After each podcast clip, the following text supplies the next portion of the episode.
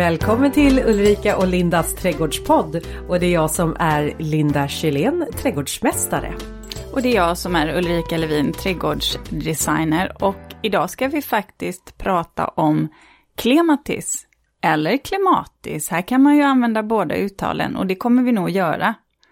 Eh, det här blir spännande. Ja, jag tycker att det här ska bli väldigt intressant att se vad jag har att komma med i det här avsnittet. För faktum är, jag, jag har en ganska god kännedom om många växter, men just klimatis, ja, de har inte jag riktigt eh, lärt känna. Men jag vet att du, du känner, du bästa kompis med klimatisar. Mm, det är en växt som ja. jag använder mig mycket av. Så du, Så, får, du får leda, du får leda mig ja. i klimatis och lyssnarna i klimatisdjungeln. Det lovar jag, det lovar jag att jag ska göra. Vilket äh, äventyr vi ska ja. ut på. Ja, det hoppas jag. Papper och penna kan jag säga är bra att ha idag för att det kommer bli eh, många sorter om ni är sugna på eh, eh, en klematis. Men du, kära poddkollega, vad har du gjort sedan vi sågs sist? Jag har varit med min dotter på tävling. Vi har äntligen fått komma igång med tävlingar igen efter att det har varit nedstängt i nästan två år. Och det har varit, ja men det är sådär, äh, vi, vi har ju våra hästar tillsammans, jag och min dotter. Och nu eh, tävlar ju hon och det har liksom, det, jag har faktiskt insett en sak under de här två åren, vikten av att ha ett mål. Alltså det behöver egentligen inte vara ett så allvarligt mål men ändå att man har någonting man tränar inför och sen att man får testa sina kunskaper. Och det är så med tävlingen för min dotter att när hon är iväg ut och tävlar då testar hon sina kunskaper. ah, det där behöver jag slipa på. Då blir det en morot till kommande träningspass. Men eh, nu eh, under de här två åren då är det som att eh, vi båda har kommit av oss i ridningen. Vi har liksom varit mållösa. Men, men är du då, har du den rollen som coach vid sidan av att du tittar och och tittar och funderar lite på hennes hjälper och vad hon behöver förbättra eller är man en duktig ryttare så känner man ju det själv också. Mm. Och hon är ju, ska jag säga, en bättre ryttare än vad jag är. Däremot så kan jag vara hennes mentala coach och stärka upp henne mentalt och sen se till att ta hand om eh, eh, våran häst, Randis då, Randalin, ta hand om henne så att när hon har ridit att vi liksom ser till att hon återvätskar sig, får någonting att dricka och att hon får liksom vila och min dotter kan, ja, inte behöver känna att hon behöver ha koll på, på hästen. Så då blir jag mera som en eh, jag, jag, får ta hand om allt det här runt omkring. Och så får man ju stötta ibland när det går, ja, inte som man har tänkt sig och sådär. Men det gick bra i helgen. Vad roligt. Ja, så ja. Det, var, det var jättekul. Jag känner att livet återgår. Ja, vad härligt. Ja.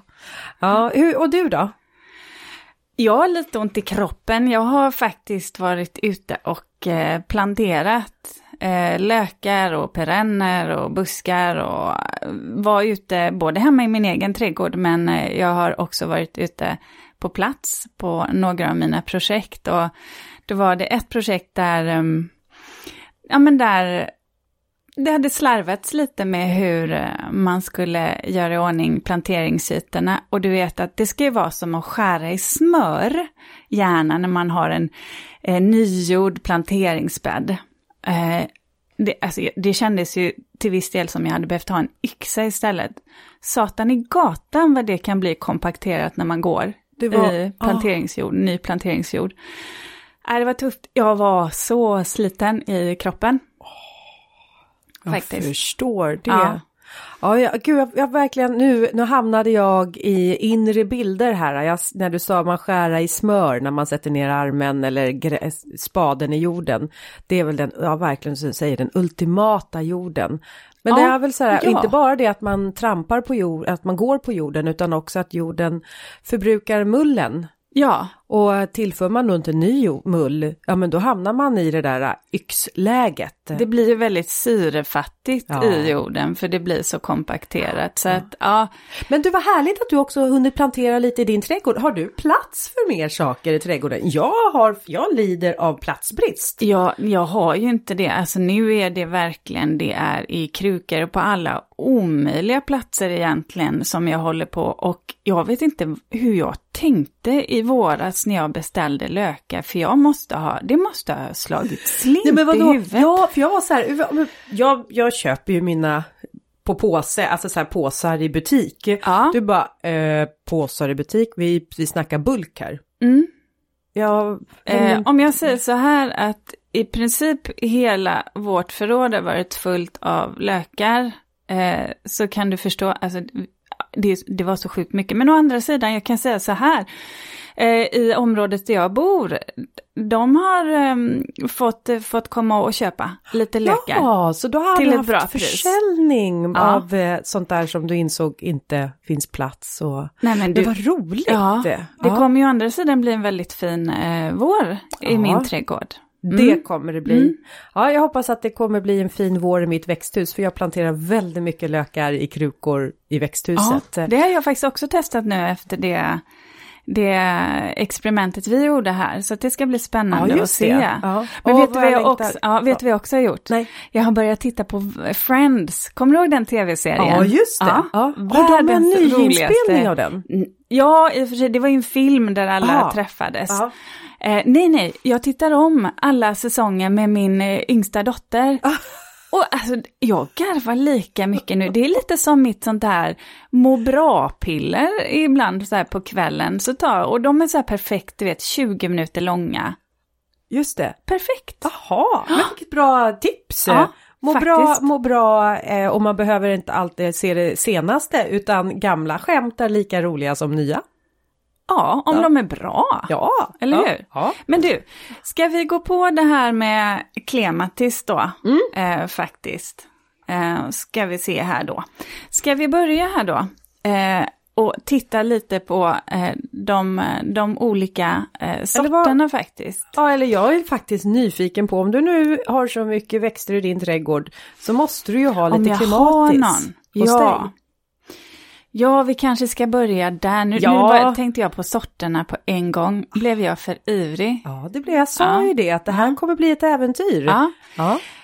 Jo, eh, jag har faktiskt flera klematis i min trädgård och jag använder dem både som, jag klättrar på spaljer och längs med husvägg eh, och eh, fristående eh, på typ en obelisk eller ett litet torn. Men sen använder jag faktiskt dem också som eh, ja men du vet, det finns en sort som vi kommer komma in på sen. Men som i kruka, som egentligen mer marktäckare eh, eller hängande växt. Eh, som får välja över typ en ampelväxt. Ja, om du då får säga en klimatis i din trädgård som du Ja men som har gjort intryck eller som tar plats eller som bara är självklar i Ulrikas trädgård. Vilken klimatis är det? Mm, och då, då hade jag nog velat säga den, eh, en småblommig klematis som heter Maria Cornelia. Men sen har jag köpt en jättefin sort som heter Romantica i år. Som är så här mörkviolett, nästan svartviolett. Den blev jädrigt snygg till vårt vita hus, hörde du. Mm. Ah, Och lite silvrig underplantering, den gillar jag väldigt mycket. det låter, Mm. men har den re- redan lyckats etablera sig och visa vad den går för? Ja, inte, den är inte sådär jätte, jättebuskig. Ja, men jag, jag är ganska duktig på att lyckas med klematis i min egen Ja. trädgård i alla fall. Ja. Hos kunder så jobbar jag faktiskt med den som marktäckare ibland också. Mm. Eh, vissa sorter funkar ju alldeles utmärkt för det. Eh, och Men inte romantica. nej, det Nej. tycker jag inte. Den Hur, den andra dra. som du sa då, hur ser den ut? Vilken var Maria det? Cornelia. Ja, Maria Cornelia. Ja men den är så här, du vet den har så här lite, eh, lite hängande, nästan som hängande näsdukar till att börja med. Och sen så öppnar den upp sig med vita enkla blommor med en lite mörkare knopp så här. Den är så himla söt. Jättesöt. Ja. Så jag, ja, jag är väldigt förtjust i den. Friskt och frodigt eh, bladverk och så här riktigt, riktigt blomvillig. Viktigt, viktigt med att det är friskt och frodigt. Ja. Vet du, Du- vad jag har? Jag har också Nej, en du? frisk och frodig klimatis hemma hos mig. Ja, men jag har gjort det här klassiska när vi flyttade till vårt hus. Jag tyckte att det växte alldeles för lite. Det var alldeles för Ja men det var för lite saker som frodades. Så då tänker jag, jag måste ju gå på ett säkert kort. Och vad gör man då? Om man ska gå på ett, det säkraste kortet när det gäller klimatis. Ja. Ulrika, vilken väljer man? Då väljer man skogsklimatis, eh, Paul Fargis, eller hur? Eller hur? Summer Ja. Snow finns också ett namn på den som man brukar använda sig av. Den väljer man då. Ja, det, det är väl någonting som, om, om det är någon som jag har läst om som i princip alla bara har rekommenderat så är det ju den här. Men hur blev det då, Linda? Det blev alldeles för bra. Ja, det blev det va? Och det tar ju, alltså, nu har ju vi bott i huset i 15 år så att jag har ju 15-åriga plantor. Och sen är det ju faktiskt så här, jag, jag vet inte, men för mig fungerar det så att jag förändrar i min trädgård vartefter jag själv förändras. Och det betyder att om jag nu planterade de här klimatisarna för jag hade tänkt att de skulle klättra på en portal som skulle leda in till våran baksida av trädgården. Så var det jättefint från början. Men sen när de här nu växte upp då insåg jag att det, det blir ju alldeles skuggigt bakom den här portalen och där har vi våran uteplats eh, upp på våran eh, Eh, altan. Jag bara, det går ju inte och då var jag tvungen att plocka ner den här eh, portalen och vad skulle jag då göra av klimatisen? Jag tänkte det. Då får den faktiskt vara lite marktäckande. Men den här växer ju så kolossalt så att den här den söker sig upp på allt. Eh, så eh, innan jag visste ordet av så var den högst upp i körsbärsträdet. det var så här, man, man, man blommar körsbärsträdet i juli. eller Man, nej men vänta, det är ju den! Och den var ju liksom, vi pratar åtta meter upp i trädet. Ja, jag vet. Ja, och sen så sökte den sig in över altan, så när vi satt och skulle äta då, då tyckte väl både jag och min man att nu börjar det gå lite bananas här, därför att då välde den även in över matbordet. Först tänkte jag så här, trevligt, matbordet är alltid dukat med lite blommande klimatis, eh, sådär vitblommande som draperade in matbordet, men så var nej, det här går ju inte. Och dessutom planterade jag samtidigt en klimatis vid våran förstukvist och den där klimatisen den har också sökt sig upp då på taket, över in i äppelträdet och den bara... Alltså det är galet är det så att jag har varit väldigt styvmoderlig mot klimatisen. Och det kan jag säga till er som har just den här eh, eh, skogsklimatisen att inga problem att skära i den. Den Nej. överlever allt. Ja. Och oavsett när du skär i den. Och det här är ju en klematis som man faktiskt både kan låta vara eller som man kan beskära hårt eh, varje år.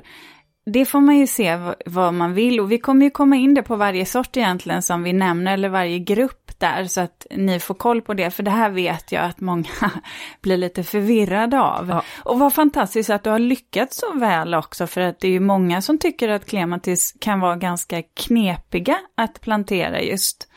Eh, det ska ni också få tips om hur man ska göra. Mm. men men jag, jag håller med. ja. Den här Paul Fargis, om vi diskuterar den, det jag tänker på mycket med den är ju att den liknar ju egentligen inte en vanlig klematis om man kan säga så, för den har ju ganska små blommor och, och ståndarna är ju mer som spröt, så den har ju en vildare karaktär. Mycket vildare är den. Och jag tänkte så här, de här är ju fina och kanske knipsa av rankor och sätta i buketter. Men den är ganska svår att jobba i som eh, snittblomma också. Dels så tycker jag att den, blommorna håller sig väldigt, väldigt kort tid. Och sen så eh, växer den så knepigt så att Ja. den är, ja, den, den, är alltså, den tar lite konstiga vägar i sitt skälk. eh, Och kan vara lite för styv ibland Ja. i sina lianer. Ja. Och jag tycker också om den och fin. Men som sagt vad man ska vara beredd på att den har ett litet vildare utseende. Så att det beror ju lite på vilken typ av klematis man är ute efter. För det innebär ju också att den kan bli lite buskare och ibland nästan upplevas som lite risig. Så man behöver ju gå och putsa på den också ibland tycker jag för att den ska hålla sig fin under hela, hela säsongen eftersom den har en tendens att bara dra iväg Dra något iväg. inom... Jag har ju en till klimatis och den Ja. är mycket, mycket mera eh, återhållsam, den, den är inte lika vräkig. Och eh, den blommar på våren, vårblommande. Och precis som du säger så här, den klockan är när innan den öppnar upp sig så är den en sån här fin fin rosa klocka. Och sen när den öppnar upp sig då är liksom den bara blir som, eh, vad säger man, horisontell nästan i sin blomning. Eh, och då går den lite mera åt, eh, alltså den är, den är först lite lila och sen så går den över till att bli lite rosa, mild. Och så får den jättefina fröställningar och sen så blir det en återblomning, en remontering lite senare på hösten. Så nu har den kommit igång och börjat blomma igen. Och nu kära lyssnare så är ni kanske nyfikna på vad är detta för spännande klimatis Linda har i sin trädgård? Om Linda ändå visste det. Ja, du har ju försökt verka fram det nu i eh, en ganska lång stund innan vi började podda. Och det... Nej, det har inte lyckats. Jag vet mycket väl vad den heter, men du vet, det dyker upp ett annat namn. Det dyker upp Stanwell Perpetual i mitt huvud Ja. och det är ju en ros. Ja, Ja, och den. inga av de sorterna jag kom med hjälpte ju dig heller, nej, tyvärr. och inget googlande heller. Men det Nej. kommer säkert komma fram här. Mm. Ja, Du har, du har några, typ en eh, 40 minuter kvar. Ja, eh, då ska vi se. det. Oh, jag ska verka. Men jag ja. tänkte så här, att innan vi går in på de olika grupperna så är det ju någonting ändå som är gemensamt för eh, alltså de flesta sorterna, eller nästan alla sorter, och det är ju hur de vill stå. En klematis, om man tittar på jorden, vill ju ha en eh, ja, men mullrik fuktighetshållande jord, men när jag säger fuktighetshållande så betyder ju det också ändå att de vill ju inte ha blött vid fötterna. Så att det måste samtidigt vara en väldränerad jord. Och här blir det alltid lite knepigt ibland, märker jag. Eh, för att en väldränerad jord är inte alltid detsamma som en torr jord. Eller hur, Linda? Nej, utan en väldränerad jord handlar ju bara om att vattnet inte ska stå kvar. Alltså överflöd, det överskottsvattnet ska försvinna Precis. iväg. Men däremot så ska ju det, jorden ska ju fortfarande behållas fuktig men det vatten som inte jorden kan suga åt sig, det ska rinna iväg, alltså dräneras bort. Ja, så att en mullrik fuktighetshållande jord som oftast ska vara näringsrik, för framförallt de här storblommiga sorterna vill ju ha mycket näring. Så gödsla behöver man ju göra. Jag brukar faktiskt rekommendera att klimatis trivs eh, i ungefär samma jord som rosor trivs i. Mm, Rosjord det är bra. fungerar. mm. Och sedan så är det ju så här att de flesta klematis trivs ju i sol till halvskugga. Några går lite skuggigare och det kommer vi prata om vilka de sorterna är. Samtidigt så är det det här Just stekande sol kan ju ibland få klematisen att blekna lite fort och, och de flesta är ju inte sådär superförtjusta i det egentligen, även om de vill ha det soligt. Eh, och sen så måste man tänka på att skydda rotsystemet. Rotsystemet, rötterna vet ni, de ska skuggas och det är jätteenkelt att göra genom att sätta eh, perenner, marktäckande perenner, eh, låga buskar. brukar vara en trevlig samplanteringsväxt. Låga buskar kan du ha, du kan ha stenar. alltså Tegelpanna vet jag en del sätter upp framför. Ja, någonting i alla fall så att säga som, som skuggar rotsystemet, för där vill de ha det svalt faktiskt. Mm. Och har man det mot en spaljé, eh, mot en husvägg sådär, så kan jag tycka att det finns en poäng att också låta spaljén komma ut en bit från husväggen så att luften kan cirkulera, både för fasadens skull, eh, men också faktiskt för växtens. Ja, och det kommer vi in på sen vilka, vad det är som kan drabba en klimatis eh, annars om den står för allt för för i stilla Ja. luft eller vind. Eh, men, men- det, men det har du rätt i eh, att rothalsen, det ska hållas dränerat kring rothalsen och att den också ska vara i skugga. Men du hade något annat också när du eh, planterar klimatis och det var det här med att den ska planteras ner när man köper en planta så har du den stående då i, i jord och sen så kommer skälken upp från jorden. Och då ska du sätta ner den här äh, skälken så den hamnar 5 cm under jorden i den nya planteringsgruppen. Ja, så är det. 5 cm ner. Och så får man gärna lägga lite grus in vid rothalsen där. Och då menar vi alltså fylla upp med grus från eh, där jorden är upp till 5 cm kan man säga. Ja, ja jag, Eller? brukar nog, nej, jag Nej. brukar nog inte fylla upp så mycket utan jag brukar nog bara lägga det, lite grus runt rothalsen och sen fylla på med jord faktiskt. Ja, men 5 cm, 5 centimeter ner ska den planteras Det behövs, ja. Och det där är jätteviktigt. Så att det, det är väldigt, väldigt viktigt. Och sen är det ju en annan sak som man ska tänka på beroende lite på sort. Men om man nu till exempel planterar en, en kraftig växande storblommig klematis som blommar på årsskotten, då är det jätteviktigt att man klipper ner de här lianerna i samband med plantering, det vill säga ungefär på ja, 30 centimeter. Och det är ju för så här att de här växterna har en tendens att bara dra iväg så att lianerna riskerar att växa för fort så att rotsystemet egentligen inte hänger med. Och det som då händer är ju att rotsystemen inte kan tillgodose vatten och näring som växtens eh, ovanjordiska delar behöver. Och då vissnar ofta plantan ner. Det här är en sak som jag tror eh, Många missar många missar och därför så, så tar inte klematisen sig. Nej.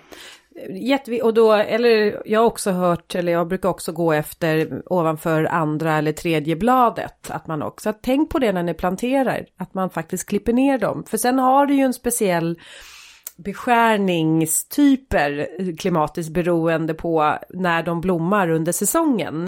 Har vi också. Ska vi, ska vi gå in, ska vi börja så att säga lite årstidsbundet och Ja. börja med de tidigblommande? Mm. De som faktiskt börjar kanske redan i april, maj och det är ju alpklematisen. Jag tycker ju de är så himla härliga för de kommer ju, de kommer ju tidigt och har också ett litet eh, näpnare intryck många gånger, lite skirare upplever jag dem som. Ehm, och sen så får de ju oftast ganska coola fröställningar så här. Du vet de här som ser ut nästan som hårtofsar, Ja. så här silvriga hårtofsar. Ja, Jag tycker de är ganska eh, ja, men det ser ut som dekorativa. propellrar nästan. Ja. Virvelvindar. Ja. Jättehäftiga. Samtidigt då så kan de ju ibland upplevas lite skräpiga. Eh, så att, ja, där kan jag också tycka att man får vara inne och, och titta lite på beskärningen där. För visst är det så Linda, att de här tidigblommande, de ska man ju egentligen bara putsa, ja. eller hur? Ja, och in, ingen, ingen kraftigare, större beskärning, utan det är en putsning som gäller på Ja. dem. Och då är det ju så att man gör det direkt efter eh, blomningen. För att de här alpklimatis, de blommar ju på fjolårsskottet. Så att skulle man klippa ner dem för hårt, ja, då, får du inga blommor. Nej, det vill vi inte. Mm. Så det, är, det är viktigt. Vad Hade du några förslag på tidiga småblommande klimatis där som du ville dela med dig utav? Ja, jag har Ja, en, jag har en favorit. Den här har jag två av hemma och den Ja. här har jag använt i många av mina jobb. Det är ju faktiskt Albina plena E. Just det. Den Ja. är ju så rackarns fin. Den har ju så, den har ju vita blommor fyllda som när de vecklar ut sig nästan ser ut som liksom lite så här eh, krusiga silkespapper blir de ju. Och eh, sån där friskt och grönt och ganska frodigt bladverk så att jag tycker att liksom bladverket i sig är riktigt snyggt alltså. Det täcker in fint. Ja. Jättefint mot, du vet, ja men du vet, vit vägg eller liksom, Ja. husfasad. Det kan vara så himla snyggt. Och sen då så, så många gånger så remonterar den ju väldigt villigt i augusti-september. Inte lika så överdådigt som i maj-juni. Nej. Men du får definitivt eh, en andra blomning. Om Och- du, Ja. Mm. Om du pratar om en eh, vitblommande så har jag också en. Ja. Och det är en som är ganska härdig. Som Ja. faktiskt kan gå upp eh, hela vägen upp till zon 7. Oh, det var Oh, bra. För ja. Albina plena E klarar sig till zon 5. 5. Ja, men här har... starkväxande 3-4 meter hög. Ja, Vad har du då? Ja, men då har jag en som, den är också vit men den kanske går lite mer åt det sådär vaniljvita hållet. Eh, lite, kanske en dragning åt gult fast ändå inte, alltså, men vi säger en varm vit färg. Eh, och det är sorten Riga. Ja, ja, ja. Och, Mm. en, eh, och det är en e-planta också vilket är ju väldigt väldigt trevligt. Och det här är en ehm, eh, som också kan användas som marktäckare om man eh, önskar det. Så att den, den vill jag också slå ett slag för, ehm, en, eh, sorten Riga. Ja. Jag har också en e-planta faktiskt. Nu, nu tror jag att vi nämner många e-plantor och de, det finns just inom alpklematisgruppen så finns det faktiskt just många e-plantor. Eh, jag tror, mm, jag är inte lite, riktigt säker på uttalet där, men jag körde engelska varianten, Blue Tapers. Blue Taper, den känner jag inte till. Ja men den, åh, du skulle se den, den är så här, ja men den har ganska små blommor, Ja. så här som näpna, klockformade, så lite mellanblå blommor med lite ljusare kanter på. Och du vet, sätta den och placera den mot ett sånt här, ja men lite silvergrått eller mellangrått staket. Ja, det, är så, det blir så himla fint. Och så kan man ha till exempel eh, silkesdaggkåpan Gold Strike under som, mm, som mark eh, täckare då. Den frösås rothalsen. inte lika mycket Nej, som en vanlig Det pratade vi om eh, ett, daggkåpa. i tidigare avsnitt. Och den här är ju också då härdig ända upp till eh, zon 6 och får en sån här riktigt fint eh, silvrig, alltså fröställningen är så Mm. himla snygg på, på den. Klarar lite, lite skuggigare läge. Det gör faktiskt Albina plena E. Ja, Det är en av de sorterna som jag ofta sätter eh, där det kan vara lite skuggare och då menar jag faktiskt inte djup skugga. nej men lite halvskugga då kanske. Ja, Du, skulle du säga att småblommiga sorter är mer torktåliga än storblommiga sorter som vill ha mera fukt i jorden? Ja, det kanske de kan vara för att just de här eh, och framförallt de här tidigblommande alpklematisen går ju ganska bra att använda eh, till att klättra upp i träd. Det jag märker dock på, på mina albina plena E som har, fått fly- som har fått flytta runt i min egen trädgård att Ja. i år när jag haft dem ehm, i en så att säga liten mellanplantering, en eh, temporär plantering, där de har stått eh, under ett träd, eh, där det blir lite torrt. Ja men då blir de inte så himla roliga. Då, ehm, då blir de lite skräpiga helt enkelt och får inte alls det här friska, frodiga, fina. Så att, ja, för torrt får det inte vara, det, Nej, då men- trivs de inte. Men om man nu vill ha, om man nu har väldigt fuktig jord så kan faktiskt de storblommiga sorterna vara att, att föredra. Mm. Jag måste nämna, oh nu håller jag på att tappa en bok här. Eh, Jag måste nämna en eh, annan sort som faktiskt jag blev, nej men det här var faktiskt en klimatis som jag blev förälskad i. Den var så, den är så otroligt, eh, eh, när jag målar mina blommor då brukar jag ofta måla den här typen av blomma. Och det kanske är en klimatis som jag har målat. Eh, som går lite i, i rosa. Eh, och den ser ut som en, en liksom klassisk blomma. Nästan som, och den heter, det är en bergklimatis. Men den är så här djupt rosa och blommar i maj, juni. Är eh, en som är inte allt för starkväxande utan eh, men den blev jag jätteförtjust i. Ja, De är, bergklematisen är ju väldigt fin, röd bergklematis där, som du nämner, den är ju helt fantastisk, för den är ju verkligen, det här är ju en sån eh, växt som kan, ehm, eller en sån klematis som gärna, som är starkväxande, som man kan ha, du vet, på Mm. en pergola till exempel, för att den kan verkligen eh, dra iväg.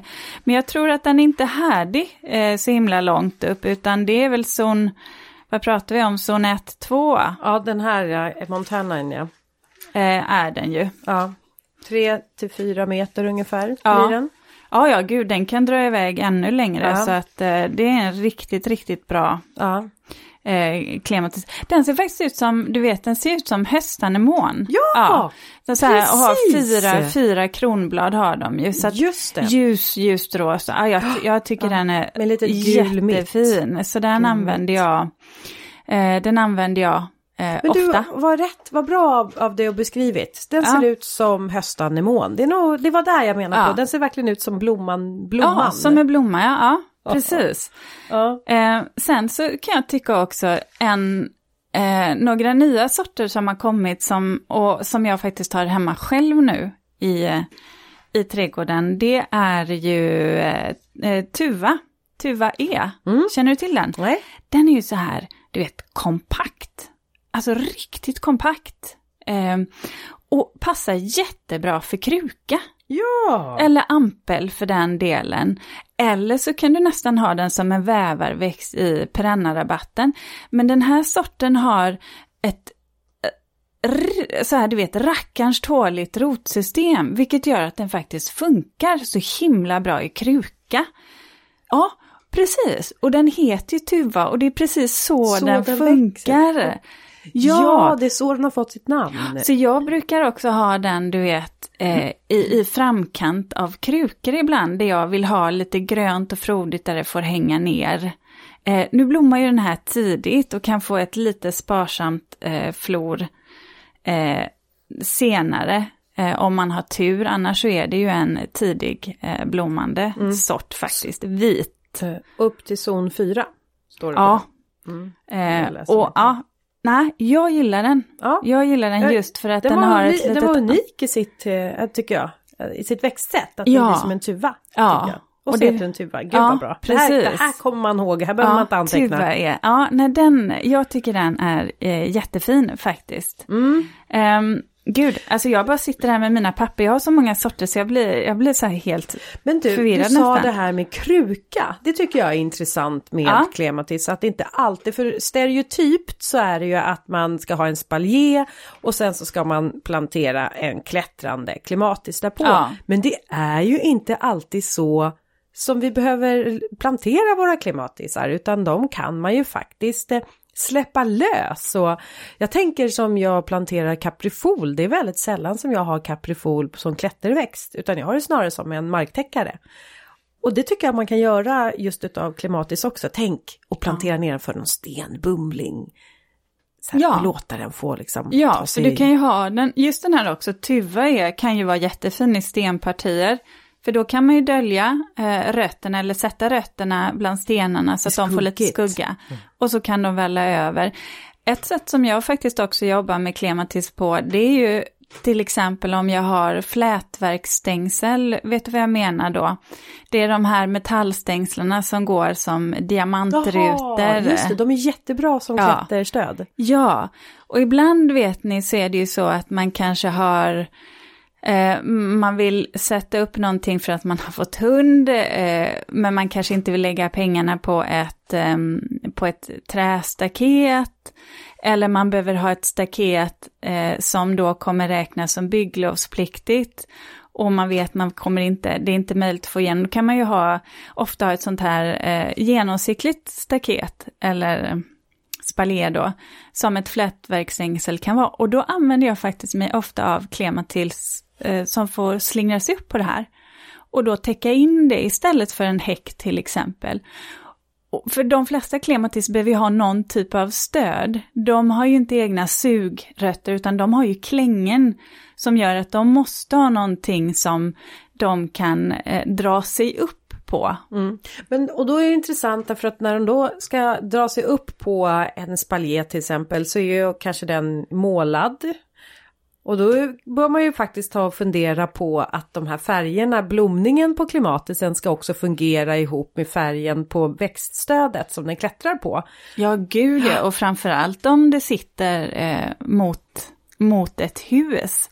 Då blir ju det ganska... Ja men precis som du sa att du hade den här lite mer viktigt. silverskimrande, nästan grå eller blåa mot den här eh, gråa staketet. Men tänk om man har en falurödfärgat eh, spaljer då? Vad skulle man tänka sig vilja ha då?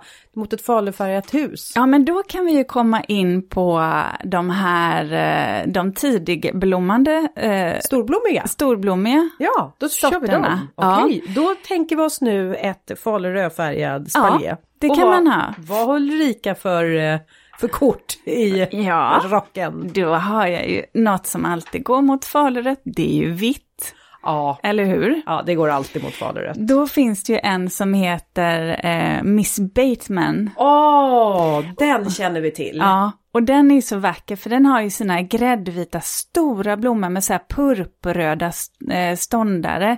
Och då fungerar ju den fint ihop mot den röda färgen också. Ja, den går ju jättebra till ett, både, eh, ja men du vet ett vitt eller mörkt hus också. Och har man ett mörkt hus, då kan man ju leka lite med det här eh, och också ta upp, eh, eh, ja men du vet, ta en alunrot, kanske obsidian som marktäckare. Då tar du ju upp det här lite purpurfärgade i ståndarna.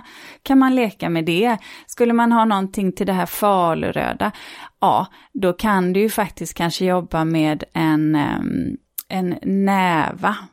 Eh, Blodnävan, alba. Den är ju fin. De trivs ju båda där det är lite soligt. Och så blir det väldigt, väldigt snyggt. Vad skulle du säga om eh, Nelly Moser? Ja, tvåfärgad. Tvåfärgad ja, i rosa. Mm. Det är eh, både en ljusare rosa och sen så får de som nerverna, mittnerverna går åt en mera liksom intensivare rosa ton. Ja, och den, den kan ju verkligen upplevas beroende på vad den är i sin blomning. Juni, juli blommar den i alla fall Ja. Och du tänker vad då? den förändrar sin färg? Ja, precis. Så där tycker jag att det är typiskt en sån där eh, klematis som man kan känna får en färg i början som man kan tänka att åh, den här blev lite skarp. Och sedan så, så, så bleknar den ju oftast lite grann och så kommer de här eh, ränderna i mitten fram mycket tydligare. Jag vet inte, den här känner jag att man kanske vid ett vitt staket, eh, den är ju eh, herrgårdsliknande tycker jag Ja. att den är. Den tar ju lite plats faktiskt. Och här kan jag tycka att då kan man ju faktiskt jobba med en liten snällare underplantering där som kanske inte är så framträdande eller utan att man låter Nelly Moser verkligen få ta plats. Har du något förslag? Vad skulle du sätta? Tillsammans med Nelly Moser. Mm, ja, vad kan man tänka sig där? Är, jag höll jag på att säga ormbunkar. Men det är väl egentligen mest för att den är... Men varför inte en funkia eller?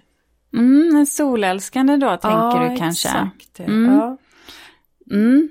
Nu är du experten på att hitta de här... Ja, guacamole är ju, ja, guacamole är ju, gillar ju sol eller halvskugga. Den kan vara fin också till de här rosa. Då får du egentligen två gröna nyanser mot de här två rosa. Och så behöver man inte placera den just då i, i den absolut stekande eh, solen. Men guacamole klarar ju faktiskt riktigt mycket sol. Men sen kan jag ju tycka att eh, också till de här som eh, tar tar plats och Mm. blir yviga. Det är alltid vackert med något som är ganska formstarkt. Det är alltid snyggt och bara formklippta li, vad heter det, ligusterklot Ja. eller buxbomklot Ja. eller en formklippt idegranshäck. Och sen så kanske någon av de här rankorna liksom Ja. svänger sig in. För det man ska tänka på när man pratar hostan, det är ju, det eller en funkia då. En funkia kommer ju igång ganska sent på säsongen. Och egentligen så tycker jag att det är bättre att ha, ha underplanteringar, alltså marktäckande växter eller buskar då som du säger, eh, som sa, som kanske alltid har, eh, ger skugga. Att det vill säga att de här marktäckande perennerna blommar ganska tidigt eller kommer igång ganska tidigt så att då eh, klematisen faktiskt får ett skyddat rotsystem. I annat fall så får man göra någon form av kombo, kanske plantera lite sten och sen sätta funkierna framför då så att rotsystemet alltid är skyddat. En vacker samplanteringsbuske tillsammans med Nelly Moser, det skulle jag också säga är, eller är kameleontbusken. Ja. Som eh, plockar upp den här rosa purpurfärgen i, eh, från klimatisens eh, mittnerv i sitt bladverk. Precis, och då skulle jag säga att man ska tänka lite mer grönt, alltså lite, lite mer, eh, kanske inte så, att det inte ska hända så mycket i, eh, i underplanteringen.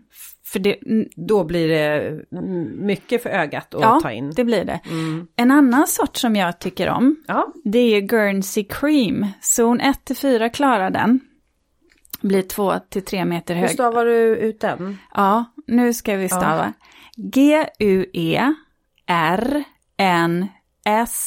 G-U-E-R-N-S-E-Y. Åh, Ja. hängde ni med på det där? Oj, oj, oj. Ni, Ja. får, ni får spola tillbaka ja, helt exakt, enkelt. det kan man göra. Det jag gillar med den här, det är faktiskt att den är, eh, den har ljusgula blommor.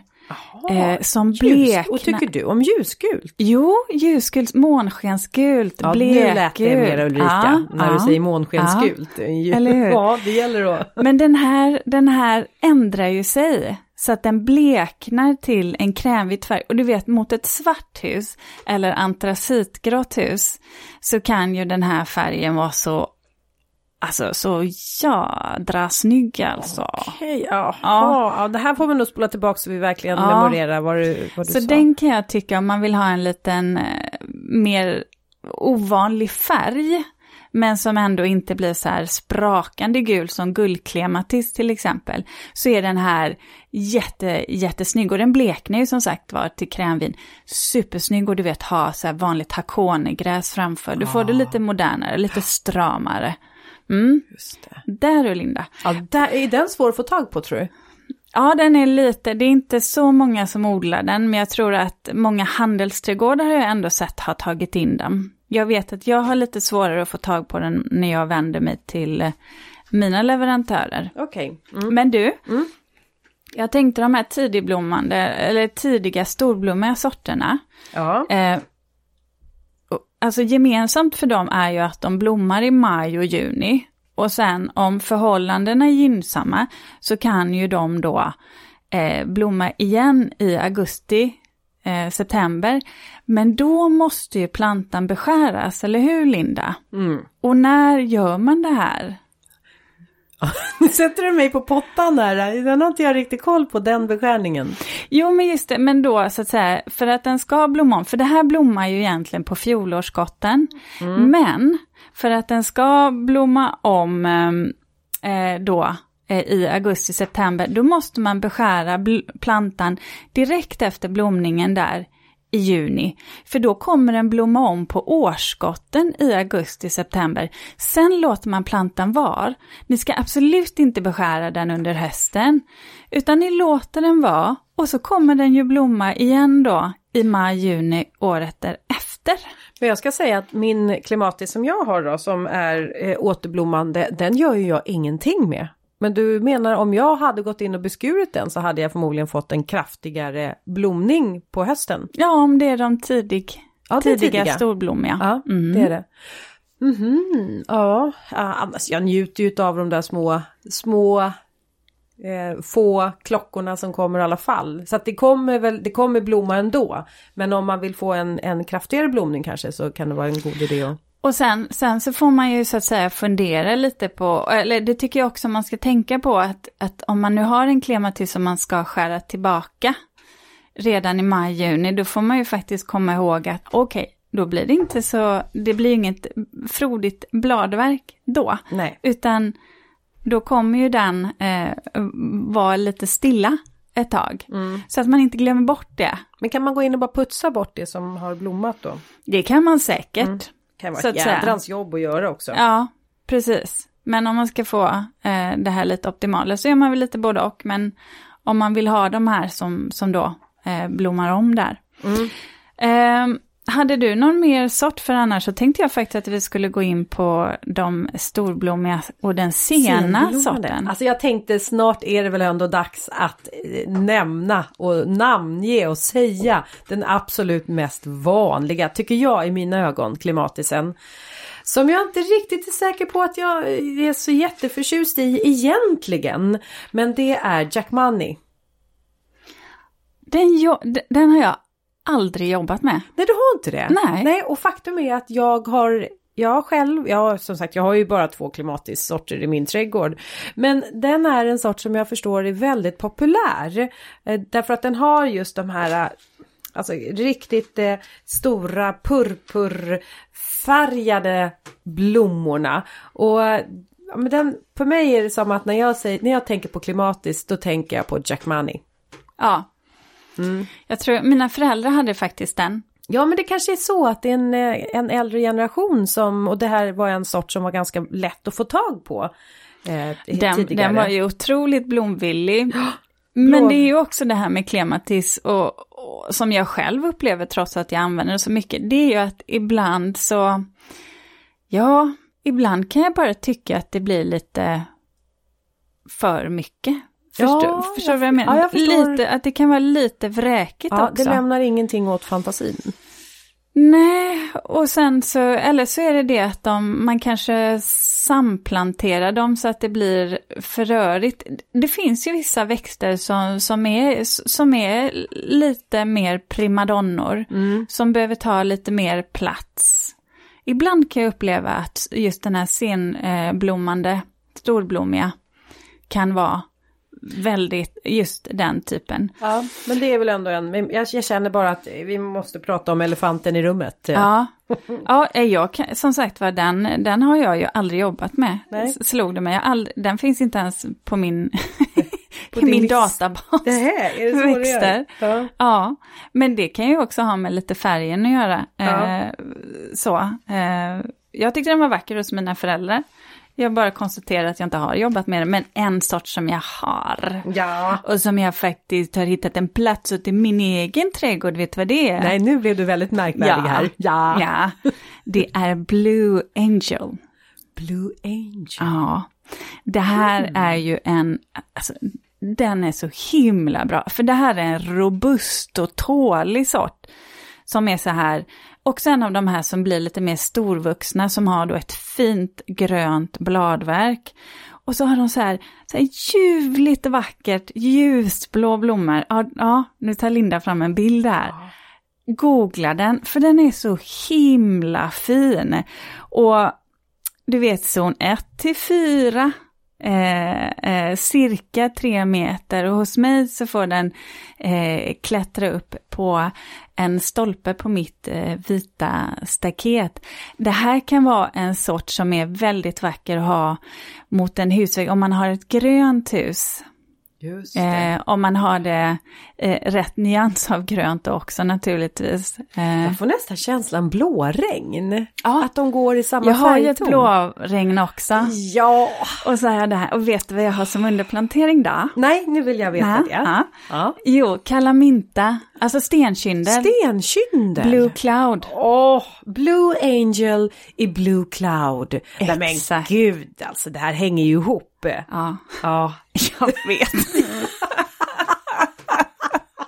Ulrika blir väldigt självklar här inne jag i rummet så här, nu. Jag, jag, jag hörde verkligen det själv. Gud vad nöjd jag låter med mig själv. Men grejen var, vet ni, så här är det, att det blev faktiskt väldigt vackert. Ja, men jag förstår. För stenkylden har ju blommor som är Eh, de är ju så skira, det är ju som ett moln av blommor och sen så kommer den här klematisens eh, ljusblå blommor. Och på natten, alltså på kvällen, du vet i skymningen där på sommaren, sommar, sensommarkvällarna, mot det här vita staketet, det frodiga, eh, frodiga grönskan.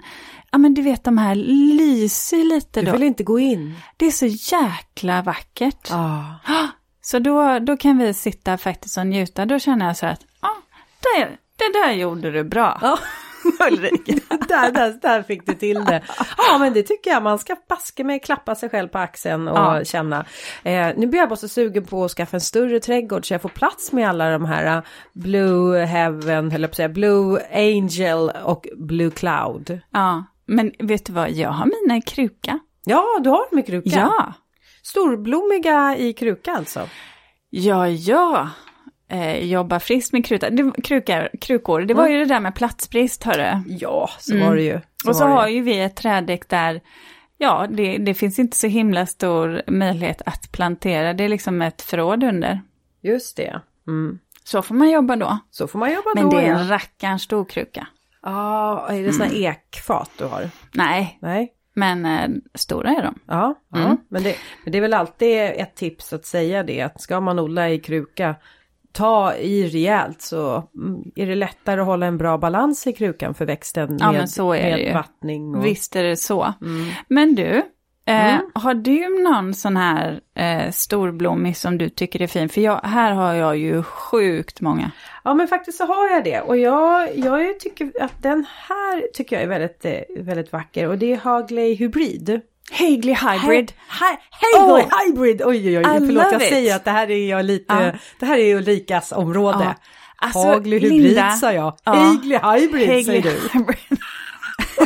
Let's go English. Hej hej, let's go English. Ja men, Men faktiskt alltså, den, vad tycker ja, du? förklara. Jag älskat. Du alltså älskar älskan. Ja, jag Jag, älskar eh, Ja. eh, rekommenderade faktiskt den. eh, Och den har liksom en väldigt lång blomningstid. Ja, Och, och sen så får den liten lätt krusning liksom i, i kronbladen. Ja. Sådär. ljusrosa Ja. till lite så här gammalrosa nyans. Gammelrosa ja. Och med mörka ståndare, så här liksom lite purp, lite brunröda nästan. Alltså nu blev jag sugen på ett gott rött glas vin helt plötsligt. Ja, lite den färgen på ståndarna Ja, faktiskt. Lite den känslan ger den här. Ja, den här sorten kan ju faktiskt också vara jättefin till ett falurött hus. Eh, och trivs faktiskt bäst i, eller jag tycker att den blir som vackrast när den sitter lite mer i halvskugga.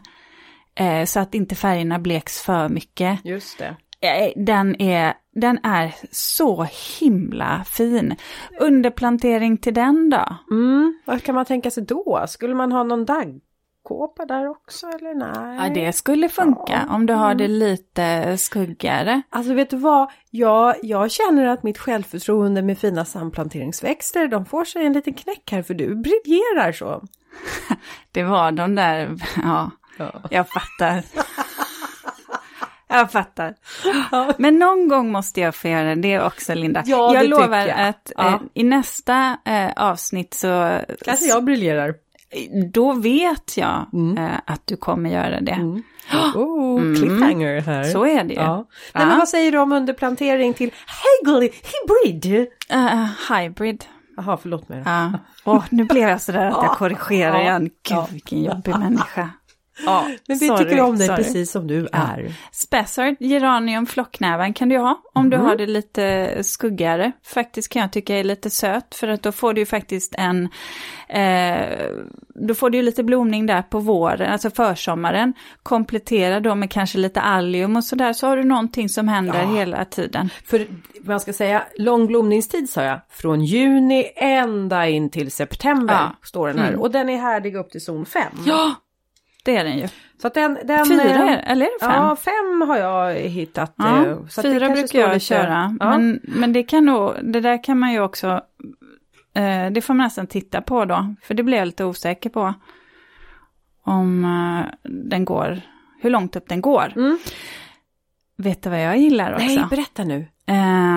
En sort som jag tycker är väldigt fin, nu tar vi en vit sort igen, Ja, för sen en ska jag gå på en riktigt mörk också, Oj se då. om du känner till Ja. den. Men Huldin, Huldine stavas. Hultine. Ja, det här är ju, de har ju vita enkla eh, blommor. Ja. Och så har de, du vet, undersidan på dem är liksom så här lite, lite svagt rosatonade. Och sätt den tillsammans med en klätterros, alltså New Dawn. Okej. Om vi ska prata romantiskt eller lite åt den stilen, engelsk trädgård, alltså, ni är hemma då, jag lovar. Och så kan ni ha en underplantering av en kantnepeta som Amelia till exempel, som är lite ljusrosa. Ja, man skulle faktiskt också kunna ha lavendel om man vill ha hela den färgskalan. Det är så, eller den här blodnävan. ehm, ja, Mm. Alban är ju, den är, album heter den. Så himla fin. Den, den kändes också väldigt så här silkespapper i blad, alltså kronbladen. Och sen när, man ser undersidan och tillsammans med den här ljusrosa rosen, eh, ja, det, det, det är magiskt, det är magi. Det är magi De tillsammans. Ja. Ja. riktigt, riktigt fina. Åh. Mm. Eh, och som sagt var, den här blir ju inte, den blir ju inte jättehög, ungefär 2,5 till 3 meter. Så att, eh, ja, mer på en spalier eller på en portal eller liksom båge så. Och så kan man ju ha rosen till. Um, och sedan så kan man ju också då, alltså, ja men man får tänka på, blommorna ser ut som stjärnor mer. Eh, zon 1 till 4 om jag inte sa det. Men sen har vi ett nytillskott. Ja men okej, nu får vi höra. Nu kommer ja. den. Nu kommer en till som jag har i min trädgård. Oh. Nej men romantika. Ja men den var ju den du sa att du hade. Var det det? Ja det var den du sa som var den som du blev så himla kär i. Fast du har ja, inte pratat det. Men du har inte pratat om den sådär. Du har bara jag berättat har, om din relation. Vad? Och att du var väldigt, väldigt stolt över att det har ja. lyckats så bra med den. Ja. Mm. Eh, det jag bara kan tillägga med den är ju att den här kan ju också bli fin om man, den får lite, lite skuggigare plats under dagen. För jag kan tycka att det blir de där mörka blommorna det är väldigt fint till det vita huset, men man kan också, eh, man kan också faktiskt sätta dem där, i, där det är lite mer grönska, det blir liksom lite skuggigare, för då, då blir den också lite cool mot det där ljust gröna eh, bladverket faktiskt. Ah, då träder blommorna ja. fram också. Vet du vad, jag har en, eh, känns... nu kom jag på att den andra, ja, vi ska ta, jag har köpt två nya i år. Aha. Så vi tar den andra. Men jag ska fråga, har du någon mer Sten Storblommig eller vill du gå på dem? Nej, vi ska gå på de små, eller? Mm, ja, de, de vad heter det, småblommiga sorterna, Viticella. Men jag tänkte på, det vi inte ska glömma nu är ju de här eh, sena storblommiga. Beskärningen ja, av beskärningen den. var det ja. Ja. För de blommar ju på årsskotten. Så Just hur det. beskär man dem? Ja, men då kan man beskära dem ganska kraftigt, antingen på hösten eller också tar man och beskär dem på våren. Är det. Okej. Höst eller vår? Ja, höst ja. eller vår. Och mycket näring vill de ha. Mycket näring vill de ha. Nu, nu eh, kollade Ulrika precis på klockan och insåg att herregud vad det vad fanns mycket att prata om klimatiskt. om klimatiskt. Men förlåt, vi, vi, kan inte dra ut det här i all evighet. Nej, det går inte. Nej. Nej Så nu tar vi Viticella. Mm. Den småblommiga. Och den, de beskär man ju på samma sätt va? Ja. Som de Klipps sena ner. storblommiga. Ja, klipps ner. Här ska ni få. Eh, okay. Nu, jag nämnde Maria Cornelia, en vit sort, supersnygg. Eh, och sen har jag min nya det blev mörkt i år, dark eyes, mörkt purpurröda blommor, eh, ljusare i mitten eh, och blir väl, du vet en sån här liten klematis som också kan funka i kruka. En och en halv till två, två och en halv max, en meter hög. Mm. Jättefin. Mm. Snyggt att ha. Eh, där kan man också jobba med några ljusrosa perenner eh, som under plantering till exempel. Eller varför inte alonrot, ja. eh, peppermint eller ja. green spice. Jobbar man med peppermint, eh, då kommer jag säga att man ska klippa bort blomstänglarna. Ja. Då får man ta in det som snitt. Men hakonegräset funkar det med. Ja. Silkesstadkåpan också. Mm. Ha, vad Bra. har du då? Eh, nej men jag, jag tänker kanske snarare att jag överlåter eh, det här till dig för nu rinner ju nästan eh, tiden iväg här va. Det finns ju en, eh, en sort som heter Södertälje. Och då pratade vi faktiskt tidigare innan vi började och, um, spela in om eh, Magnus eh, Jonsson. Mm. Som är en växtförädlare som har tagit fram. Och bland annat då eh, Södertälje som har mörkröda klockformade blommor. Ja. Också eh, ganska, liksom, ja men, eh, vi har, jag tror inte vi har nämnt någon mörkröd sort nämligen. Nej, det har vi faktiskt inte gjort. Eh, och det finns ju en uppsjö färger och det här är ju också det som är fint med den här eh, småblommiga eh, sorterna, eller de småblommiga sorterna, den här gruppen, det är ju att den också blommar länge. Från eh, juli in i september faktiskt. Så att de är väldigt, väldigt vackra, lite mer eh, nickande, mm. blommor mindre. Och Södertälje, den är ju också, finns också som e-planta. Ja. Men den går ju lite, alltså röd säger jag, men jag skulle säga att den drar mera kanske åt purpur också. Ja. Men det är också det här, precis som du säger, att den kan förändra sig beroende på hur gamla blommorna är. Ja. Mm. Sen då, så ska jag bara säga, nämna snabbt två andra sorter som faktiskt finns, alltså två grupper. Och det är ju Clematis texanensis, texensis. Eh, det här är en jättefin sort att plantera i kruka. Eh, eh, för den blir inte så hög och den har, det finns en som heter Princess Diana. Som eh, har kaminrosröda, rosa-röda blommor. Och det ser ut som nästan, du vet, så här öppnade liljetulpaner. Eh, och sedan eh, så har vi ju den helbladiga klematisen också. Integrifolia gruppen. Och det är ju faktiskt en eh, klematis som inte klättrar, som klänger, utan som växer med stadiga skälkar. Mer som man använder som eh, perenn till exempel. Eh, och då kan det ju vara eh, Hedda E. Ja, den ja. hade jag här uppskriven. Ja, har en väldigt härlig, ja. alltså har en sån här ganska angenäm doft och också jättefin att ha som snitt. Lågväxande. Ja. Mm. Eh, Ett till tre. Ja. Eh, så jag, jag, säger inte så mer om de sorterna utan ni får googla själva för att eh, vi behöver faktiskt avrunda Ja men jag måste bara nämna en sak till och det är att jag tycker att man också ska lyssna på ett tidigare avsnitt som vi har haft och det var det om eh, skadedjur.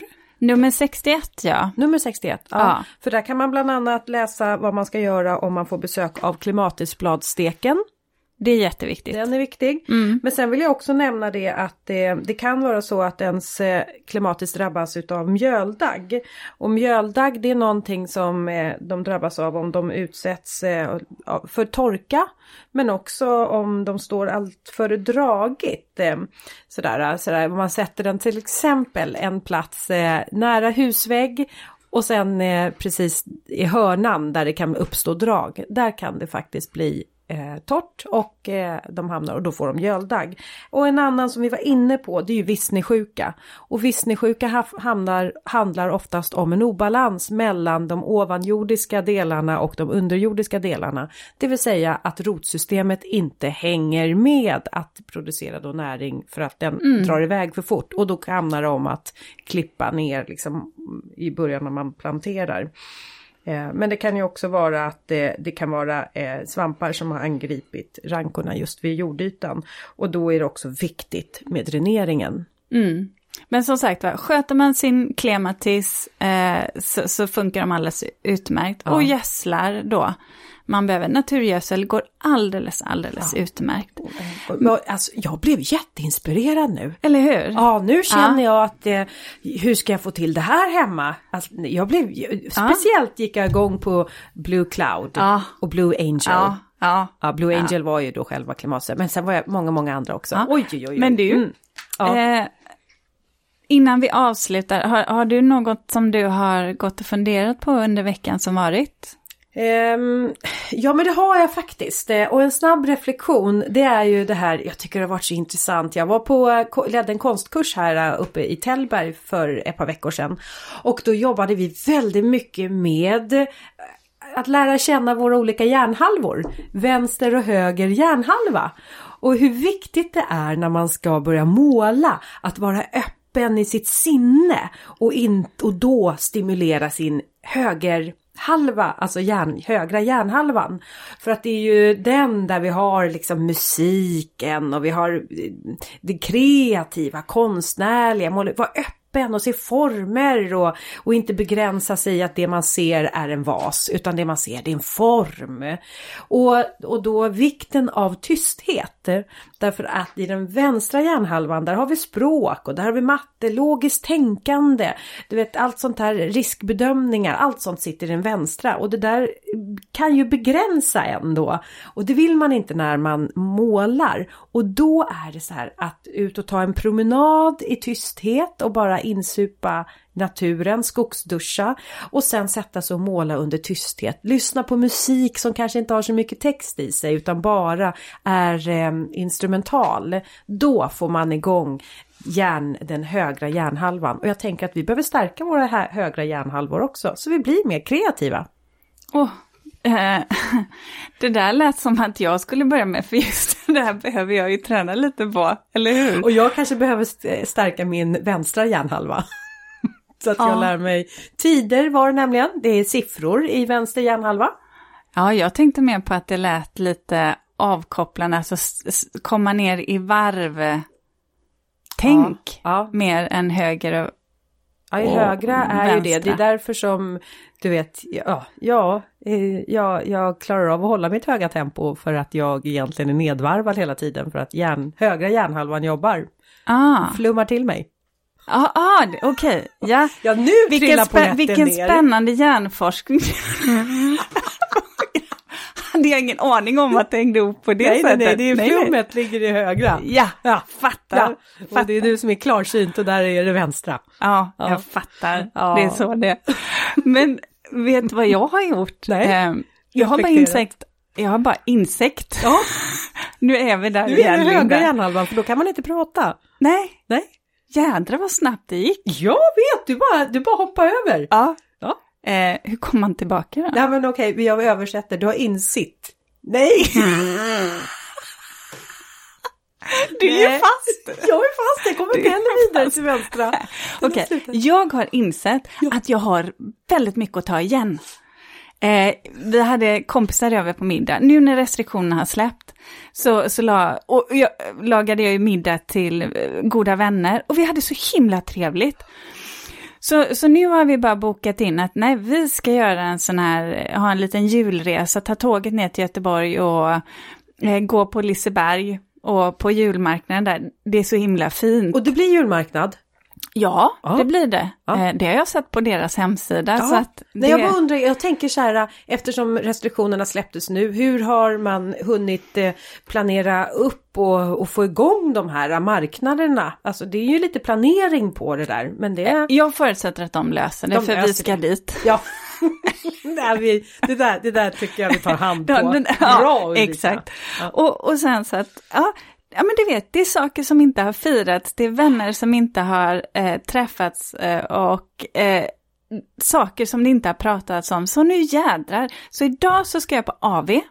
Va? Ja, med min löparkompis och några andra trevliga pinglor. Och imorgon, då tar jag tåget ner till västkusten till mina gamla, gamla kompisar. Och så ska vi bo på spa och bara snacka, snacka goja. Men, och, Och jag trodde du skratta bara skulle jobba, det var därför du sa så här, nej jag kan inte byta Nej, inspelningsdag. men jag har ju, Men jag det måste är ju... ett socialt liv ja, du. jag måste ju planera in roliga saker. Jag kom ju på det, Ja. mitt liv har ju bara varit fyllt med jobb, jobb, eller? jobb, jobb. Ja, när man Nej, inser är det, så, ska man göra viktigt. roliga saker. Det är så viktigt faktiskt, jag håller så, med dig. Så, vet du Ja, vad, vi okej. det var därför jag blev så stressad, för du vet, jag måste Drinken iväg. väntar. Yeah! Yeah! Yeah! Så eh, tack för att ni har lyssnat idag hörni, och så hörs vi igen nästa vecka. Ja, det ha gör det vi. bra! Hej då på er! Alltså, jag måste dra. väntar. Ja, Men det det, här det, har ju finns en plats för mig där på mig. restaurangen. Du överraskar mig. Ska ni gå någonstans då? Eh, på